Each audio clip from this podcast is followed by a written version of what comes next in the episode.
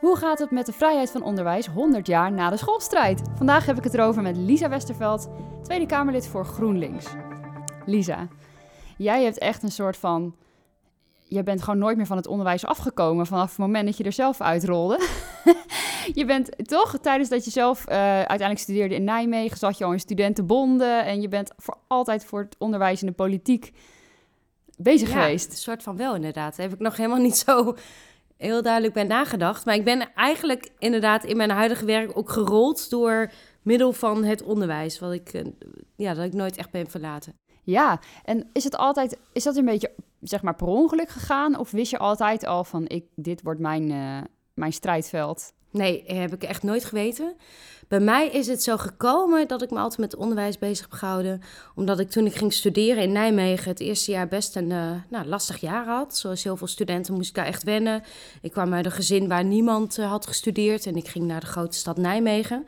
Nou, en op het einde van het eerste jaar, toen ik zat te twijfelen of ik wel door moest gaan met mijn toenmalige studie antropologie, toen kwam ik uh, een paar mensen tegen die actief waren bij de Nijmeegse Studentenvakbond. En zij kwamen op voor ja, goed onderwijs, maar ook voor studenten die bijvoorbeeld ruzie hadden met hun huisbaas. En ik voelde me echt ongelooflijk thuis bij deze groep mensen. Dus ik ben actief geworden bij de Nijmeegse Studentenvakbond. En vanuit daar eigenlijk is mijn hele nou ja, onderwijsloopbaan begonnen. Boeiend. En heeft jouw contact met hen jou ook geholpen vervolgens in je studie? Want je zegt, ik had het daar mijn eerste jaar echt zwaar mee. Merkte je dat het een verschil maakte dat je ook vervolgens in dat raamwerk zat? Ja, enorm. Want um, om echt ook goed te kunnen presteren in het onderwijs, heb ik wel gemerkt dat het ook heel belangrijk is dat je mensen om je heen hebt die je kunt steunen. Dat je ja, dat, je, dat je je veilig voelt, ook als je op de campus rondloopt, dat je daar fijn voelt. Dat heeft mij echt enorm geholpen, ook in mijn studie. Ja, want ik uh, was jouw interview aan het lezen. Jij hebt een interview gegeven in de Linkerwang, een blad van uh, GroenLinks. En toen was ik helemaal een soort van verbaasd over hoeveel overeenkomsten ik met jou heb. Dus ik dacht, ik ga toch, ik vind dat leuk, omdat ik kom, jij komt uit Aalten, jij bent ja. christelijk gereformeerd opgevoed in een dorpie en uh, toch best wel een bubbel. En je zegt net zelf, ik had uh, mijn eerste jaar best wel even de moeite met de overgang. En ook dat je misschien vanuit je familie iets ging doen wat niemand je nog had voorgedaan. Ja. En ik kom ook uit een klein dorpie, maar dan gereformeerde uh, bubbel. Dus niet christelijk gereformeerd, maar hervormd. Een beetje traditioneel. Mm -hmm. En ook het eerste jaar in Amsterdam heb ik 15 studiepunten gehaald. Ik denk ook vanwege gewoon... En ook de eerste die studeerde in de hele familie, die overgang of zo. In zo'n andere wereld. En ik snapte wel heel goed, zeg, ik dacht wel goed te kunnen begrijpen... Um, nou, waarom zo'n eerste jaar dan ingewikkeld is en zo. Ja, maar precies dat had ik ook. Ja. Dat je echt, je weet, nou, dan heb je VWO afgerond. En dan ga je naar de universiteit. En dan wordt er ongelooflijk veel van je, van je verwacht. En dan ga je in een nieuwe stad wonen. Nou, voor het eerst op kamers. Ja, je moet nog maar achterkomen of, of studeren wel iets is wat bij je past. Je moet heel veel nieuwe dingen leren. Je ontmoet nieuwe mensen. Nou, en je ontmoet ook gewoon mensen die hele, een hele andere kijk hebben op de wereld. Ja. En dat was natuurlijk is super leerzaam. Ja. Maar ja, het kost soms wel even tijd om, om je daar goed, nou, om ook goed te wennen op zo'n nieuwe plek. Ja, en dan ben ik ook zo dankbaar dat ik in een periode nog ging studeren, dat je met 15 studiepunten nog door mocht. Want die tijd is natuurlijk Ja. gevlogen. Nu Ja. moet je er 50 hebben of 45 of zo. dat is een beetje mijn strijdpunt nu ook in de, in de Tweede Kamer. Ik heb eh, vrij recent ook een, eh, een motie ingediend. Dus eigenlijk een, een opdracht aan de minister. Om na te denken hoe je dat binnen een studieadvies weer een adviserend advies kunt maken. Sowieso de term bindend studieadvies vind ik, eh, nou ja, klopt gewoon niet. Ik bedoel, je, je kunt geen advies geven dat bindend is. Maar juist om die reden, omdat, er, omdat ik gewoon weet dat er heel veel studenten zijn die dat eerste jaar gewoon moeite hebben. En dat betekent helemaal niet dat ze een slechte student zijn, maar dat betekent soms wel dat ze een hele grote overgang hebben gemaakt. En er kunnen ook allerlei andere redenen zijn. Hè? Bijvoorbeeld, ik, ik hoorde, nou, afgelopen weekend was ik bij een vriendin die begeleidt een aantal studenten. En die vertelde mij ook dat ze een student dus had die op een andere opleiding was weggestuurd in het jaar dat zijn vader overleed. Wauw. Nou, weet je, dan heb je, maak je zoiets aangrijpends mee. Ja. En dan zegt de instelling, ja, je hebt een paar studiepunten tekort en eh, ga maar een andere opleiding doen. Nou, volgens mij schiet niemand daar wat mee op. Nee. Dus ik, ik hoop ook echt wel, en ik heb heel veel reacties gehad van bestuurders, zijn het allemaal niet met me eens. Maar Oh. ik hoor van heel veel studenten dat ze dat ook zo'n bindend studieadvies dat dat echt als een molensteen om hun nek hangt. Helemaal in, in zo'n jaar als dit, waarin ja, sommige studenten maar bijvoorbeeld twee uurtjes per week echt fysiek onderwijs hebben. Dus ik vind het ook niet helemaal kloppen dat je als onderwijsinstelling je studenten gewoon niet kent, want je ziet ze alleen van achter een scherm.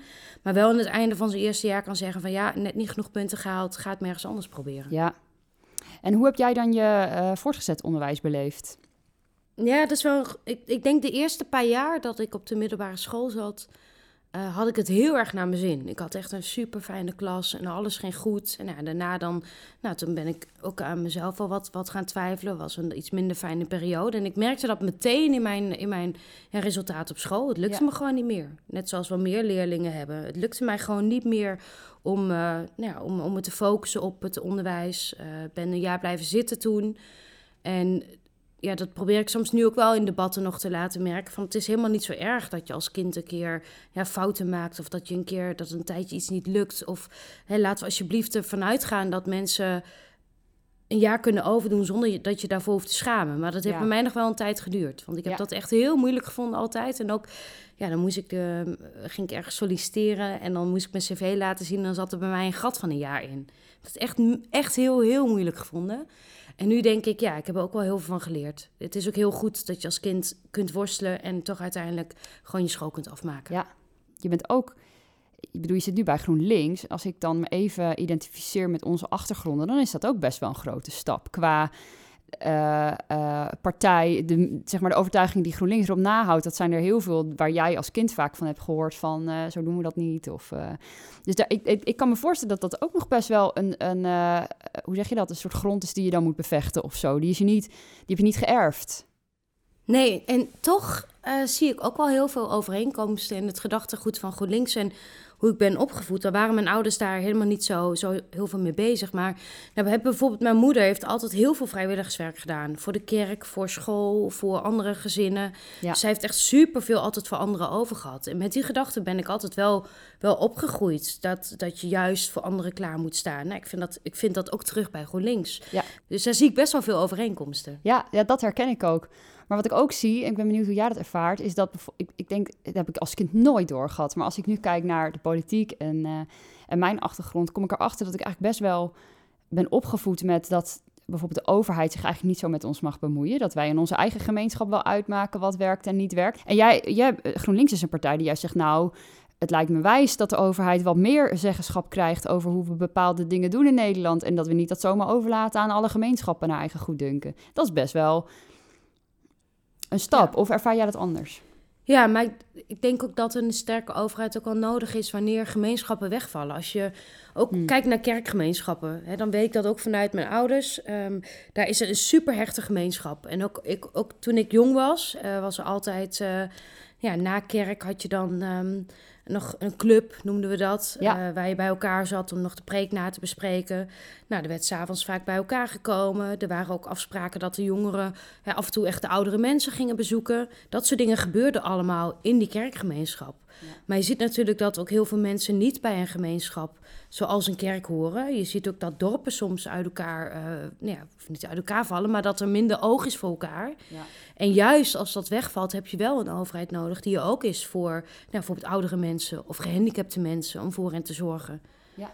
Dus, ik, dus ik zie dat niet per se als tegenstrijdig aan elkaar. Je ziet het meer als een verplaatsing van hetzelfde naar een andere drager of zo van die verantwoordelijkheid. Ja, ik denk dat je in sommige gevallen heb je gewoon echt een overheid nodig. In ieder geval, je hebt een overheid nodig die echt klaar staat voor de mensen die het wat, wat moeilijker hebben. He, voor de, en voor de gehandicapte mensen, voor oudere mensen, voor kinderen die uh, niet naar school kunnen.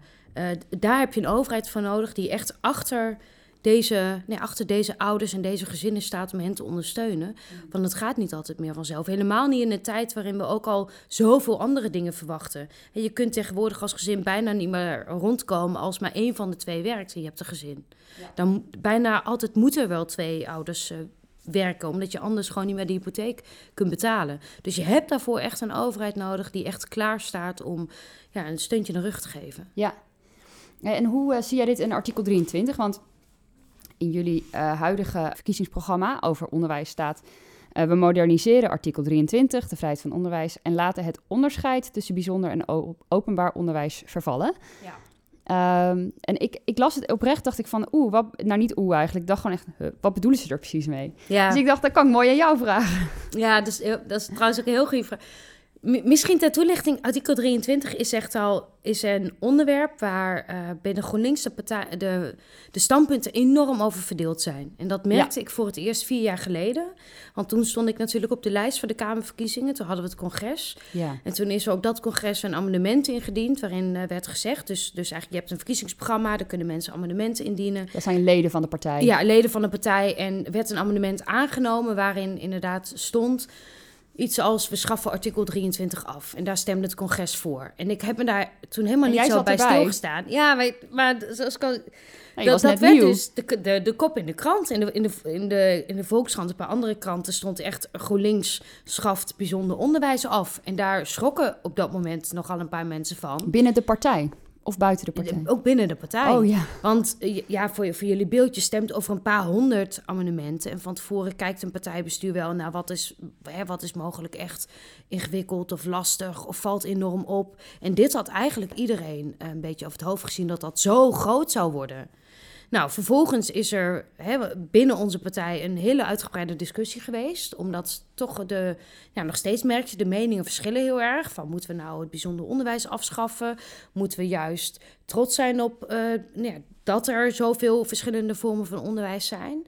Nou, toen heb ik samen met eh, onze Eerste Kamerlid Ruud Ganzenvoort en een aantal andere nou, ben ik bij een heel aantal discussiebijeenkomsten geweest. Er is een aparte werkgroep ook samengesteld, die toen ook echt heeft gekeken met ons en met alle mensen die meededen in de discussie over wat vindt GroenLinks nou eigenlijk van de, hè, van de, de vrijheid van onderwijs. Ja. En ook daaruit, en ik vond dat heel interessant, maar eigenlijk kwam ook daaruit dat we gewoon enorm verdeeld zijn. Ja. Er is gewoon, er is niet je, er is niet in de partij soms dan weet je gewoon bij sommige onderwerpen van ja, bijna iedereen binnen GroenLinks vindt dat belangrijk. Als je het hebt over duurzaamheid of als je het hebt over een heel aantal sociale thema's, dan vinden we dat bijna allemaal, denken we daar min of meer hetzelfde over.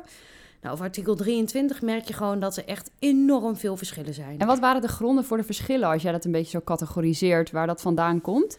Ja, dat heeft heel erg mee te maken met uh, dat uh, voorstanders van de vrijheid van onderwijs... die benadrukken heel erg hoe belangrijk het is... dat uh, nou ja, ouders een school kunnen zoeken die bij hen, hun gedachtegoed past...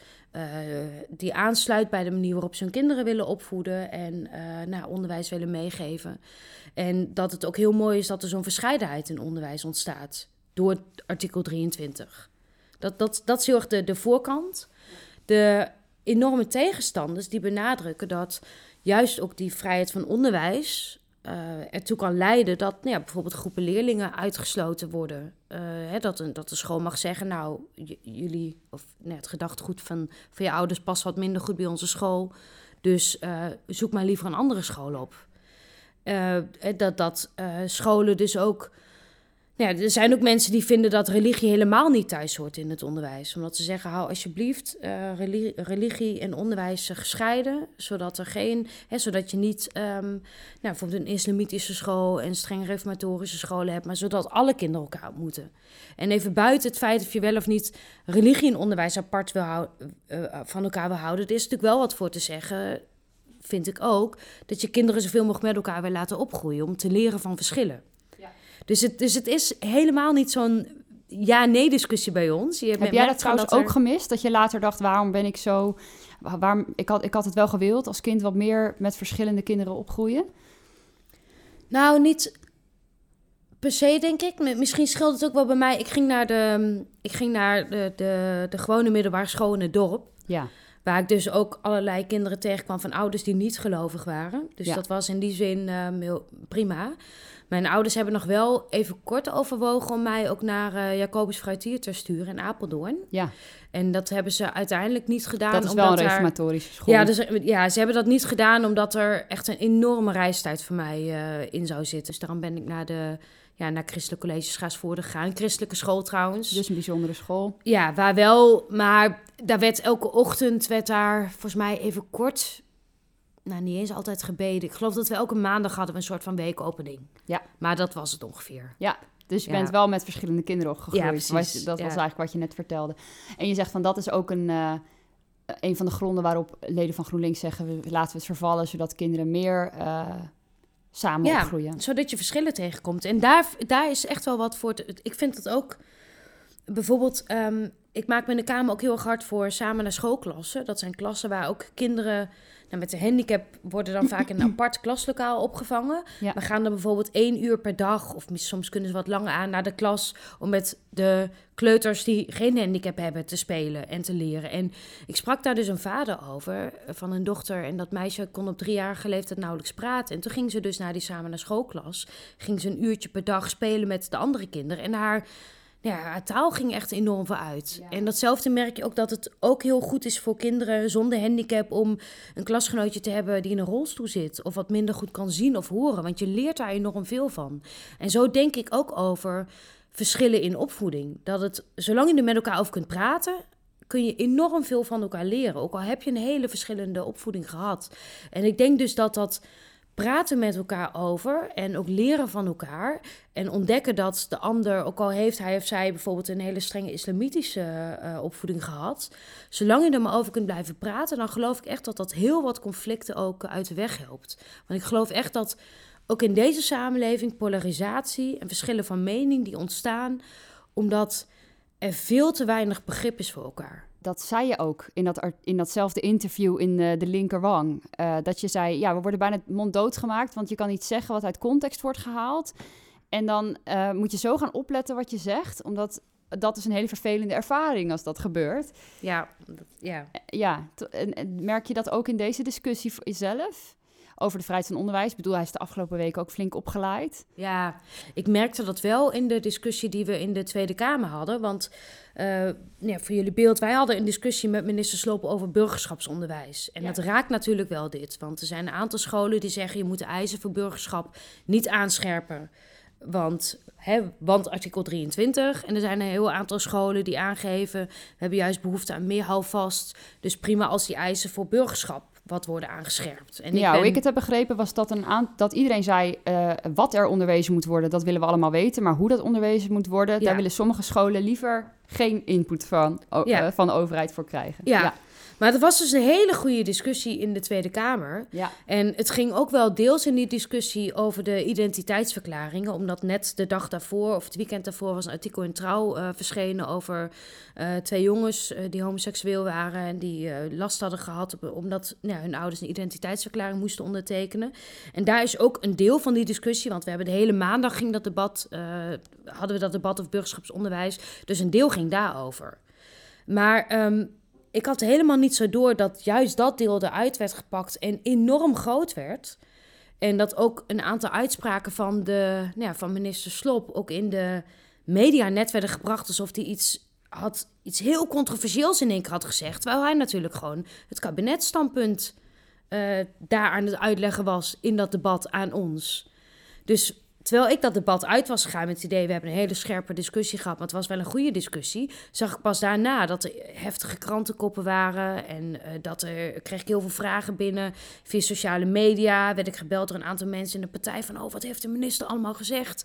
Terwijl ik toen dacht, ja, hij heeft het kabinetstandpunt vertegenwoordigd en daar ben ik het niet helemaal mee eens, maar ja, je, je merkte daar Hij inderdaad... was ineens de homo-hater. ja, ja, ja. En, En, en, zo ik had vond jij niet heftig. ervaren in dat eh, debat. Nee, want hij verdedigt het kabinetstandpunt. Namelijk dat artikel 23 zou moeten laten zoals die nu is. En dat het dus kan betekenen dat scholen ook nou ja, identiteitsverklaringen eh, ja. Ja. vragen. En ik heb in dat debat wel gezegd dat ik dus niet vind dat ook de vrijheid van onderwijs die ruimte laat. Want je wil ook dat leerlingen veilig zijn. Dus ik vind dat dat met elkaar botst. En dat heb ik ook in het debat gezegd. Dus daar, daar is gewoon een goede discussie over geweest. Ja. En ik, ja, ik, snap dus ook wel dat als je die hele context van dat debat niet meekrijgt, dat dan, ja, als je inderdaad een paar zinnen van de minister eruit haalt, ja, dan kun je inderdaad makkelijk framen dat hij een homohater is. Terwijl we gewoon een hele goede discussie erover hadden. Dus ik vond, dat, ik vond het ingewikkeld. Want ik was het niet met hem eens, maar de manier waarop de minister nu werd neergezet. En ook wel waarop nu de hele discussie ging op sociale media, vond ik ook heftig. En wat, is, wat vind je daar precies heftig aan? Nou, ik denk vooral de, de vele scheldpartijen en dingen die toen volgden, die vond ik gewoon niet terecht.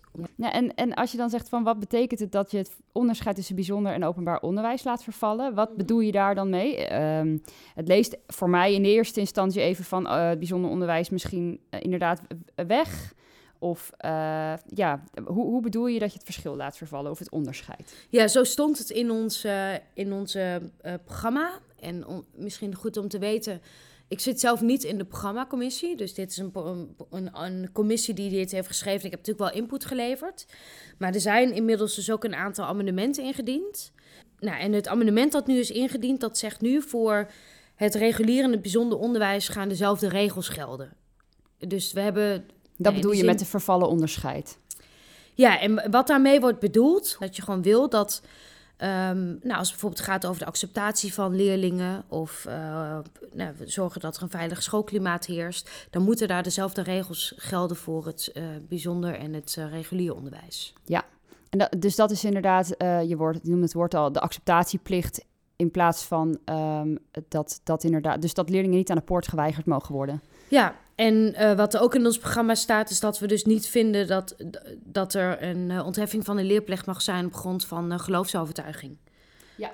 Dus dat is ook eigenlijk ja, toch wel bedoeld om ook te zorgen dat kinderen naar school gaan. Zijn er, want dat moet ik eerlijk zeggen dat ik dat niet weet, zijn er veel gevallen van kinderen in Nederland die op basis van geloofsovertuiging niet naar school gaan? Ja, niet heel veel. Ik geloof een, even uit mijn hoofd zijn dat er een paar honderd. Ja. Weet ik niet zeker hoor, dus ben me er niet te vast. Maar um, ik, nou, ik krijg soms wel mails binnen ook van vaak familieleden die zich dan heel erg zorgen maken over een kind dat thuis wordt gehouden. Want als je een ontheffing van de leerplicht hebt, dan ben je dus, uh, nou ja, krijg je thuisonderwijs. Dat kan in heel veel gevallen goed gaan. Uh, en toch ben ik daar niet zo'n voorstander van in het algemeen omdat kinderen dan ja, minder andere kinderen tegenkomen. Dus inderdaad niet leren van, van verschillen. Dus ik vind dat je daar heel erg voorzichtig mee zou moeten omgaan met, uh, met een ontheffing van de leerplicht. En dat, dat geldt natuurlijk, hey, hier, hier hebben we het dan over um, ouders die dat aanvragen omdat ze dat willen. Je hebt natuurlijk ook heel veel kinderen die zitten thuis zonder onderwijs omdat ze bijvoorbeeld een handicap of een leerachterstand hebben. Ja. En die krijgen soms ook een ontheffing van de leerplicht.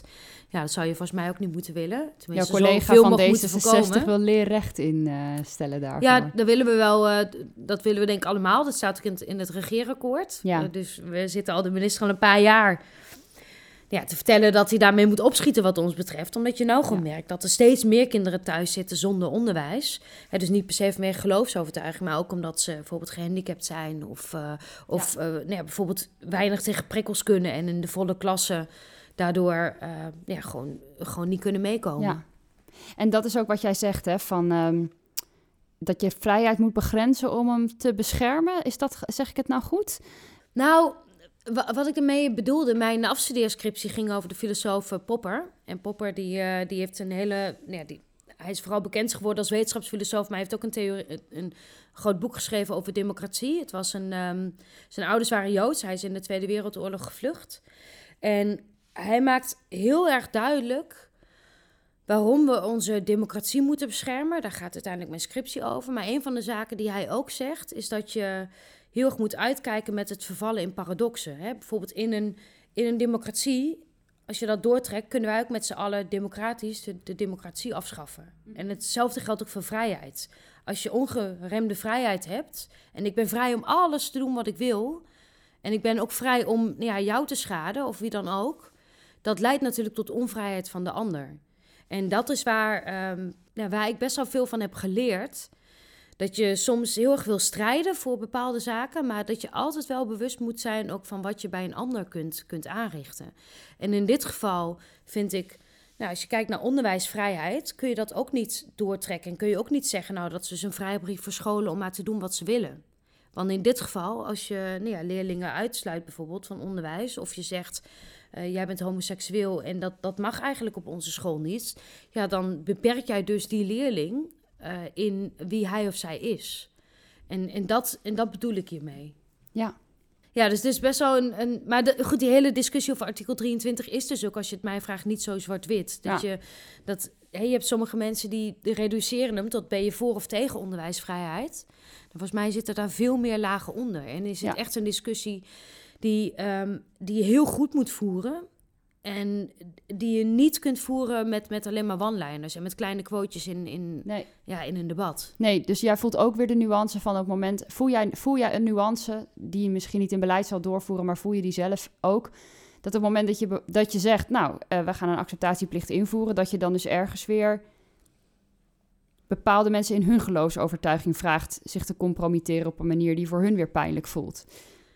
Ja, ik heb daar wel een tijd geleden ook een, ehm, een discussie over gehad met eh, een, een, directeur van een reformatorische school. Uh, en ook, ook en de, de, discussie ging echt precies hierover. Namelijk dat ik hem vroeg: maar als je dan zo trots bent op je school. en je geeft ook aan dat jullie een goede onderwijskwaliteit hebben. maar waarom vraag je dan van uh, leerlingen die zich hier aanmelden om, je, ja, om zich naar jullie te schikken? Waarom? Nou, en toen gaf, gaf hij dus heel duidelijk aan dat uh, hij van mening ook was dat zij juist zo'n goed onderwijs konden bieden. En dat ze elke ochtend ook beginnen met, uh, nee, met bijvoorbeeld gebed en soms met een lied. En hij zei, ja, als wij dus leerlingen hebben die daar niet mee zijn opgegroeid, dan verdwijnt dat bij ons. Dan kunnen wij dus niet meer elke ochtend nou, gezamenlijk beginnen en, hè, en, en wat zingen bijvoorbeeld met elkaar. Want wij hebben dan allemaal leerlingen die hebben nooit in de kerk gezeten en zijn helemaal niet gewend om uh, s ochtends te zingen. En dat begrijp ik dus ook wel weer. Hoe moeilijk ik het ook vind, want ik vind echt ik vind eigenlijk dat leerlingen dus overal uh, nou, elkaar zouden ontmoeten en met elkaar naar school zouden moeten gaan. Maar ook met mijn eigen achtergrond begrijp ik dat ook wel weer wat, wat hij hier zei. En begrijp ik dus ook wel weer dat je inderdaad, uh, nou, in dit geval deze, deze school, um, het onmogelijk maakt om zo gezamenlijk nou ja, de dag te beginnen, af te sluiten. En um, nou, misschien ook. Nou ja, misschien ook daardoor een stukje van hun identiteit en de manier waarop zij het onderwijs op een goede manier geven, uh, onmogelijk maakt. En dat is dus best, dat maakt die discussie dus ook zo ingewikkeld, vind ik. Want leg dit maar eens goed uit ja, in bijvoorbeeld een kamerdebat, waar je vier minuten spreektijd hebt en je wil goed en genuanceerd die discussie ja. voeren. Ja, dat heeft Slop geprobeerd. Maar dat werd, nee, maar het, het, wat je, waar, ik, waar aan moet denken als ik je hoor... en ook al de nuances die je erbij noemt... die je zelf ook heel sterk uh, voelt... Dan, dan is het eigenlijk gewoon de grens tussen waar jouw vrijheid een ander zijn vrijheid ontneemt... of waar jouw vrijheid misschien de ander een beetje pijn doet... wat iets anders is... dat het heel moeilijk is om te zeggen wanneer je nog waar zit... of zo misschien op het spectrum. En dat dat ook iets is wat, anderen, wat iedereen misschien persoonlijk voelt... waar dat voor hem het een is of het ander... En, ja, dat je bijna nooit in de wet iedereen op die manier dan ook helemaal uh, vrij kan zijn. Omdat soms het bijna pa paradoxaal op elkaar staat. Ja, in ieder geval soms dan, schuurt het heel erg. Voor, je beeld, ik heb, als ik nu naar mijn ouders uh, ga of zo, dan hebben we ook nog wel eens een discussie over naar seksuele geaardheid. En, en dan geven zij ook aan dat ze daar soms nog mee worstelen. Hoe ze daar, of ze, ze daar naar kijken of niet, ja. ja. als je homoseksueel bent. Ja, hoe, hoe ze daar gewoon naar kijken. Dat ze eigenlijk wel weten dat het uh, steeds meer geaccepteerd is ook in de samenleving. En dat ze ook rationeel wel dat inzien, maar ze worstelen er wel mee. En tegelijkertijd wil ik ook opkomen voor mensen, juist hè, die, die, um, nou, bijvoorbeeld die homoseksueel zijn of transgender zijn. Want ik zie hoe zij, en ook jongeren ook, oh, trouwens ook, ook wat oudere mensen, hoe ze, hoe ze vaak zich onveilig voelen. Ja. En daar, en daar, zit, daar zit gewoon een. Uh, daar schuurt het gewoon. Ja. Want ik wil en voor die mensen opkomen. Maar ik wil ook thuis dat gesprek gewoon kunnen hebben met mijn ouders. Zonder dat ik hen vertel dat wat zij denken, dat het allemaal fout is. En dat ze het allemaal meteen anders moeten doen. En daarmee kwets je dus per definitie mensen die homoseksueel zijn. Ja, en als je de wet natuurlijk zo zegt dat dat niet meer kan gebeuren op basis van dat, kwets je weer de mensen die dat zo nooit bedoelden, maar hun geloofsovertuiging ja, of, weer of zo niet hebben kunnen om daar, uh, want ik, dat is ook of tijd nodig hebben om daar uh, over na te denken en daaraan te wennen. Nou, in die, in die ruimte moet er eigenlijk vooral zijn om te zorgen dat je met elkaar veilig zo'n gesprek kunt voeren. En op het moment dat, dat je alleen maar hele extreme meningen hebt en vooral uh, overal snoeihard ingaat, dan zorgt dat in ieder geval niet tot meer begrip. En ik denk echt dat we meer begrip en meer mogelijkheid om over grote verschillen te kunnen praten, uh, nou, dat hebben we nodig, ook in het onderwijs. En dat is soms heel moeilijk. Dat zag je ook wel weer bijvoorbeeld de aanslagen die gepleegd zijn. En uh, dat merkte ik ook dat merk ik ook als ik met docenten praat, dan geven ze gewoon vaak aan dat het in de klas soms heel moeilijk is om te praten over verschillen. En juist in dat klaslokaal zou een veilige setting ja. moeten zijn waarin je wel met elkaar kunt praten over zaken die je, nou, waar je totaal anders over denkt. Ja. Of die gewoon niet van elkaar begrijpt. En hoe gaat het bij jullie binnen GroenLinks? Want als ik me goed meen, was bijvoorbeeld jouw partijleider Jesse Klaver, waar jij natuurlijk helemaal niet verantwoordelijk voor bent, maar die twitterde wel over slop vrij uh, straight volgens mij iets. Of heb ik dat verkeerd ont onthouden? Nee, dat kan wel. Wij die zijn... was wel hard. Ja. En hebben jullie het daar achter de schermen dan weer over? Dat hij geen man van deze wereld meer was of, of zoiets meen Nee, wij hebben, het, wij hebben even contact gehad zelfs over die tweet. Omdat ja. ik, uh, want hij belde mij inderdaad. uh, omdat Jesse ook zei van we moeten hier wel iets van vinden. En dat ben ik met hem eens, want ik, wij waren het ook niet met de minister eens. Maar we hebben gewoon even goed gekeken naar, naar die formulier, formulering. En we zijn daarin dus, ik, ik weet ook niet meer precies hoe het daar stond hoor. Maar we hebben dan contact over dit soort tweets, zodat we uh, volgens mij in dit geval niet, juist niet minister Slopkeihard zijn afgevallen, maar wel het kabinetsbeleid. Want we Ja. zijn het niet eens met dat het kabinet uh, niks wil veranderen aan artikel 23. Ja. Hey, en nog één vraag, want en dat, dat maakt het voor mij even rond om jouw hele verhaal in een geheel weer te zien. Jij zei eigenlijk aan het begin, ehm, vroeger hoefde de overheid zich minder te bemoeien met de eh, samenleving, omdat wij toen heel georganiseerd waren in geloofsgemeenschappen en dergelijke. Dat is wat vervallen. Daardoor neemt de overheid nu die plek een beetje in, omdat er gewoon mensen zijn die zorg nodig hebben. En daar is minder eh, framework nu voor, waarbinnen dat zomaar valt.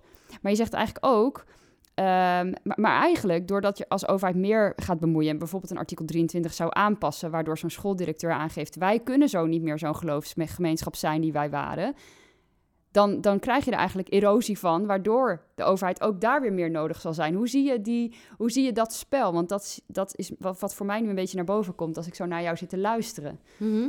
Nou, ik, ik weet niet of de overheid zeg maar, vroeger eh, zich echt minder met dingen hoefde te, hoefde te bemoeien, omdat er toen allemaal geloofsgemeenschappen zijn. Dus was natuurlijk wel meer aan de hand waarom, je, eh, waarom ook de rol en de taak van de overheid aan het veranderen is. Maar ik vind wel dat er een heel groot verschil is tussen. ehm, ehm, is de overheid bezig met beleid om mensen te ondersteunen?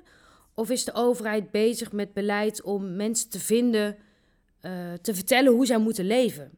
En, en bij dat tweede kom je dus ethisch gewoon op een heel hellend vlak terecht. Ja, waar we het net echt best wel eh, Ja, over je- hadden. Ja, omdat ik vind, je moet juist als overheid kunnen faciliteren dat mensen hun leven kunnen leven zoals ze dat willen. En dat eh, ze ondersteuning nodig ondersteuning krijgen als dat nodig is. En daar is een overheid voor. En de overheid is er natuurlijk wel om op een gegeven moment ook regels te stellen over hoe we met elkaar omgaan. Maar dat, Zoals dat de heeft burgerschapswet voor het onderwijs nu ook meer gaat, gaat Ja. formuleren wat dat dan zou zijn. Ja, en de burgerschapswet, nou ja, daarin wordt eigenlijk veel meer verteld van in het onderwijs moet, er, ja, moet je leerlingen bekendmaken met de democratische beginselen zoals we die hebben. D- dat, dat dus zo heel erg ingekleurd is het ook weer niet hoor, als je, als je het mij vraagt. Ja. En in het onderwijs nou, moet ook dat gesprek mogelijk zijn over nou ja, LHBTQI-leerlingen en hoe daarmee om te gaan. Dus, dus met zulke algemene formuleringen is het in die, in die wet nu vastgelegd. Dus ook weer niet het hoe, maar wel het wat. En dat is ook hoe de overheid met mensen zou moeten omgaan. Dat, we, dat je op een gegeven moment heb je het nodig om regels te stellen. Heb je het nodig om mensen in die zin te beperken hun vrijheid. Want als ik, ja, hè, als ik onbeperkt vrij ben en ik kan van alles doen, dan, dan breng ik dus anderen wellicht schade toe. Ja. Maar het is wel heel moeilijk om precies te bepalen waar nou die grens moet liggen. Ja. En dus in die zin is het juist nodig om dat gesprek te blijven voeren. En dat moet dus niet alleen in het onderwijs plaatsvinden, maar dat moet ja, in de hele samenleving plaatsvinden. En dus ook in het politieke debat. En wat mij betreft ook juist wat uitgebreider dan, ja, dan soms eh, op dit moment gebeurt. Dankjewel, Lisa, voor dit gesprek. Ja, graag gedaan.